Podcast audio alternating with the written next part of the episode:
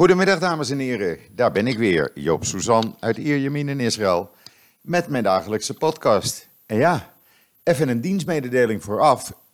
Uh, dit is uh, altijd de laatste podcast van deze week, maar vanwege Rosh Hashanah ben ik niet eerder dan dinsdag bij u weer terug. Of er moet iets heel bijzonders gebeuren, dan kom ik live bij u terug, maar dat uh, kondig ik van tevoren aan en dat merkt u vanzelf als u de app gedownload heeft, want dan krijgt u daar een mededeling van. En ja, eh, ik noemde het al, Rosh Hashanah komt eraan. En eh, wat doet het weer met Rosh Hashanah? Nou, het is 32 graden op dit moment, het is herfst. Blauwe lucht, lekker briesje en gewoon fantastisch, uh, fantastisch weer. Echt, ja, dit is de beste tijd van het jaar, september, oktober, temperaturen zijn heerlijk. En dan heb je echt niets te klagen. Um, ja, ik zei het al, Rosh Hashanah komt er dus aan. Uh, en ik heb vanmorgen dus weer mijn jaarlijkse Rosh Hashanah experience gehad met inkopen. En dat is echt een slagveld. U kunt zich een beetje voorstellen uh, in Nederland uh, en ook in andere landen. met kerstmis bijvoorbeeld. voor de dagen voor kerstmis, de drukte in de supermarkten. Nou, hier is het gewoon een paar keer erger. Men gaat uh, de supermarkt uit met uh, supermarktkarren die ja, gewoon over, overvol zijn met van alles en nog wat om te eten. Uh, het is traditie namelijk in, ja, in Israël, maar ook bij vele Joden in het buitenland, om natuurlijk veel te eten. Dat hoort erbij. traditie wil, hier in Israël is het dan twee avonden. Uh, en dat betekent dat de ene avond de ene helft van Israël bij de andere helft op bezoek gaat. En de volgende avond is dat weer andersom. Ja, en dan moet er dus ingeslagen worden. Uh, veel vlees, veel kip, uh, wijn, veel fruit en ook de granaatappels. Want de granaatappels namelijk, die hebben een bijzondere betekenis. Althans bijzonder, er zitten 613 pitten in. En 613 is het getal van het uh, aantal Joodse wetten die er bestaan uh, op allerlei gebied. Uh, voedselgebied en, en ja, allerlei andere zaken. En er zijn 613 wetten of regels, zo je het noemen wil, waar je je als Jood aan te houden hebt, heeft. En, en ja, dan is de traditie dat je dus op tafel in ieder geval een paar granaatappels opengesneden legt. ze zijn ook lekker om te eten. En daarnaast uh, natuurlijk uh, ja, de honing en de appels voor een nieuw zoet jaar. Uh, dat is ook een traditie. En ja, dan de lamsbouten, de lamsrek. En bij ons, de, de nicht uit Parijs van mijn overleden geliefde is over. juist voor Rosh Hashanah. En die, die gaat dan de couscous maken. Dus we hebben, ik zal u het diner noemen Couscous, we hebben gebakken aardappelen uit de oven, mijn specialiteit. Gegrilde kip, mijn specialiteit. Eh, een van de schoondochters komt met haar specialiteit, eh, lamsbouten, eh, een lamsbout, een hele grote heb ze gekocht. En een aantal lamsracks. Uh, dat is haar specialiteit. Andere schoondochters die komen weer met allerlei salades.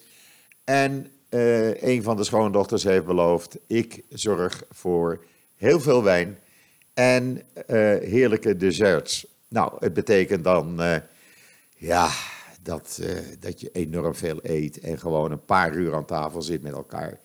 In mijn geval, we krijgen de kinderen en kleinkinderen allemaal. En de ouders van een van de schoondochters komt ook. Dat is een traditie.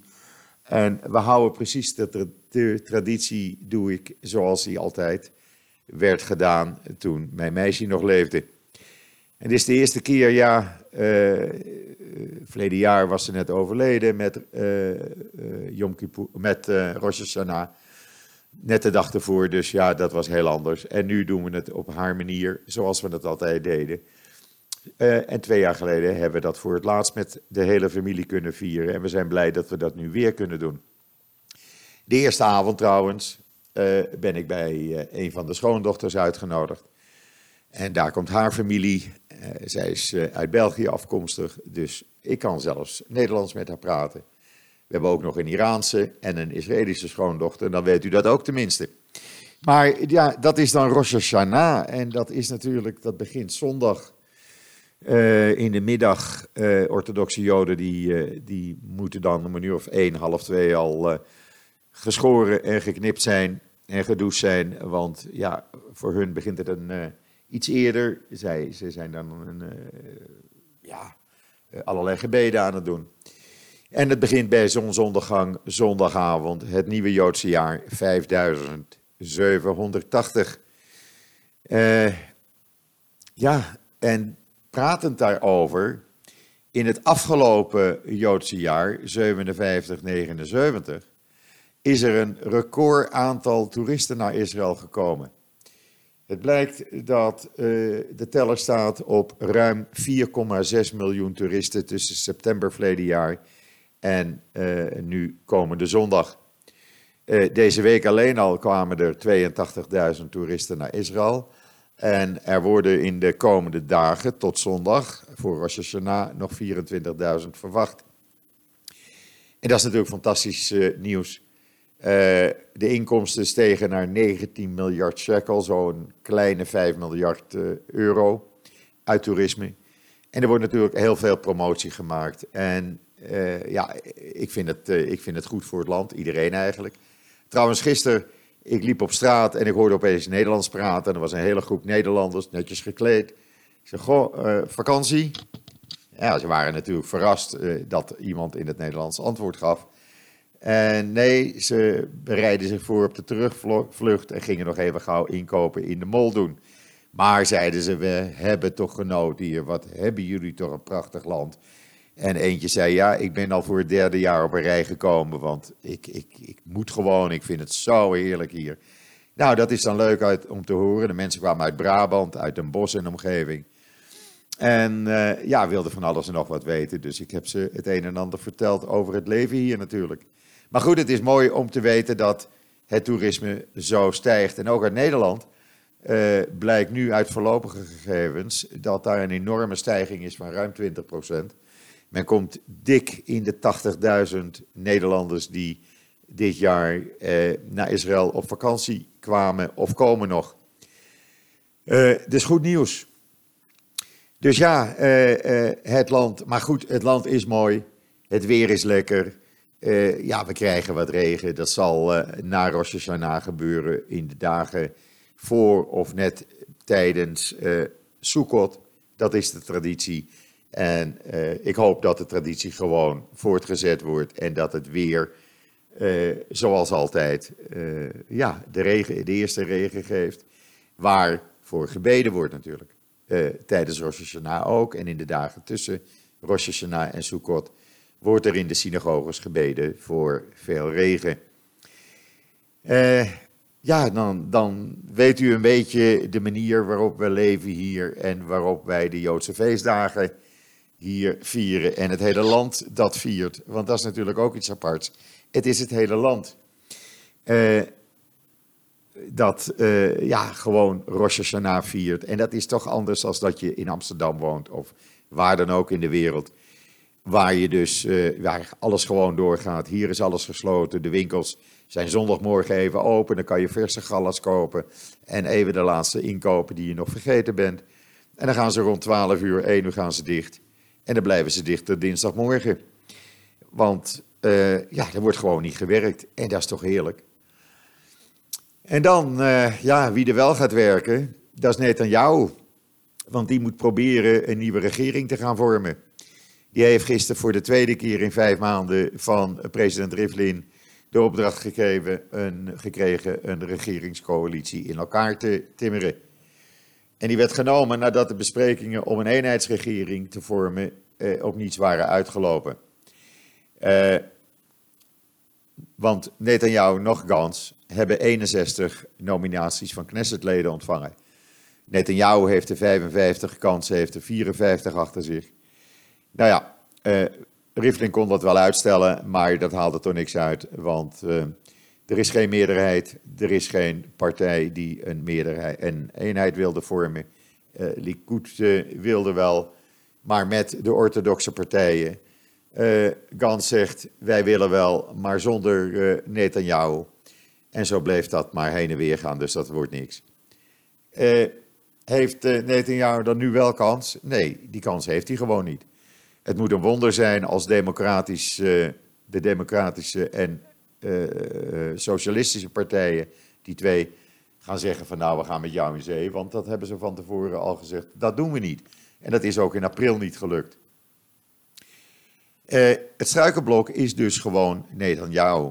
Want als Netanyahu weg is, dan, ja, dan heb je alle minuut een eenheidsregering van Likud en Bloemenwhite en eventueel Lieberman.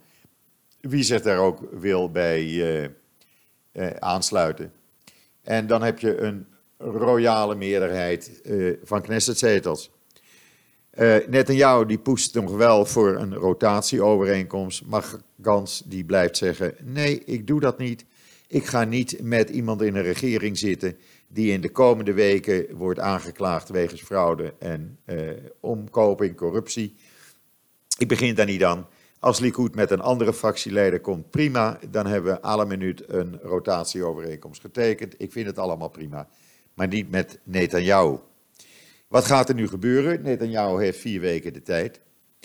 Als hem dat niet lukt, dan kan hij nog twee weken verlenging krijgen. Maar hij zal hoogstwaarschijnlijk dan zijn mandaat teruggeven aan de president, die dan twee mogelijkheden heeft. Of hij benoemt Gans.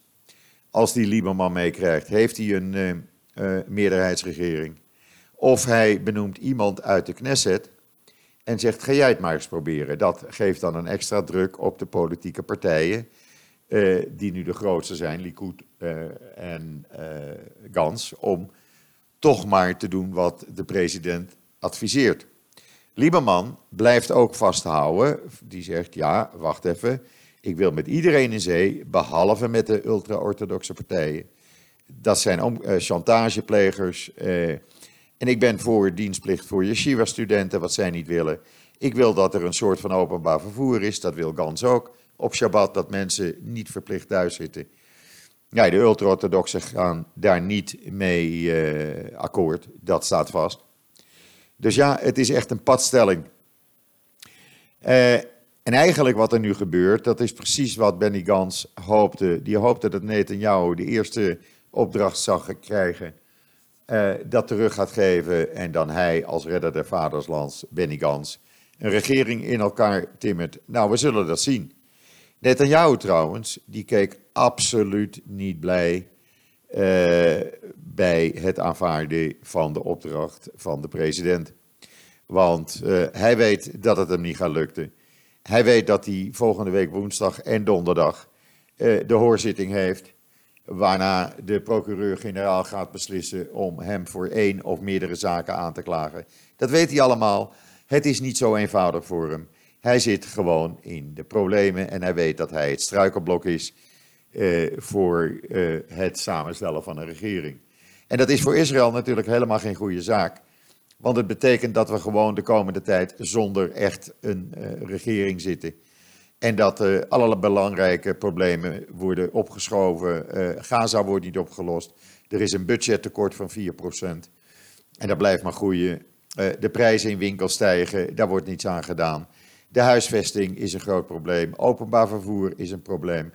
En niets wordt er besloten. En het is gewoon, ja, laten we nou maar eens op z'n zeggen. Het is een zootje. Maar goed, dan zegt het publiek in Israël nou, laten zij het maar lekker uitvechten. Wij doen ons leven zoals we dat altijd doen. En uh, wij trekken ons er niks van aan. En dat is ook weer mooi dat dat gewoon gebeurt. Ondertussen probeerde de Islamic Jihad een uh, raketinstallatie op de Westbank te bouwen. Ja, echt waar hoor. Waarschijnlijk in opdracht van Hezbollah of Iran zelf. In ieder geval, het spul kwam uit Libanon. Het is in beslag genomen. Het, uh, ja, uh, ze waren een, een, een soort raketinstallatie aan het neerzetten.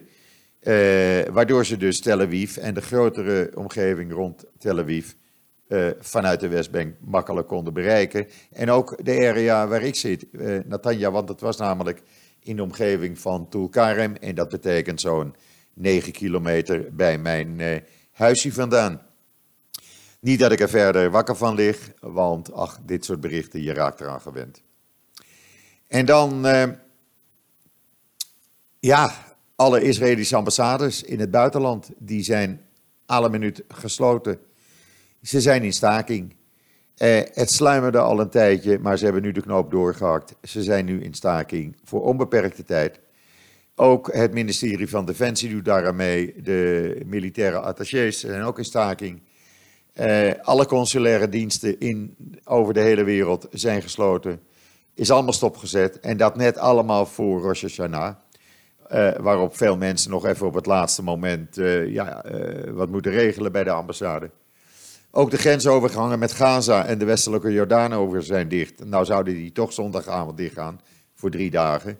Maar goed, die zijn dus nu vanmiddag gesloten. Want, zeggen ze, wij pikken dat niet meer. De gebruikelijke vergoeding voor uh, ambassadepersoneel als ze uitgaven hebben, dat wordt niet meer vergoed als je geen bonnetje kan tonen. Eh, dat ging altijd zonder bonnetjes, daar zijn afspraken over tot bepaalde bedragen. Mocht men gewoon geld uitgeven voor representatie. En dat werd vergoed. En dat wordt dus niet meer, niet meer vergoed en men moet het uit eigen zak betalen. Het grote probleem zal zijn uh, in Oeman, waar tienduizenden uh, orthodoxe Joden uit Israël, maar ook uit de rest van de wereld naartoe gaan. En waar het ministerie van Buitenlandse Zaken altijd een soort operatie, operation room had. Omdat dat, uh, ja, de mensen worden dronken van het vele wijn drinken en whisky drinken. Dus er zijn altijd problemen. Maar goed, ook dat gaat niet door.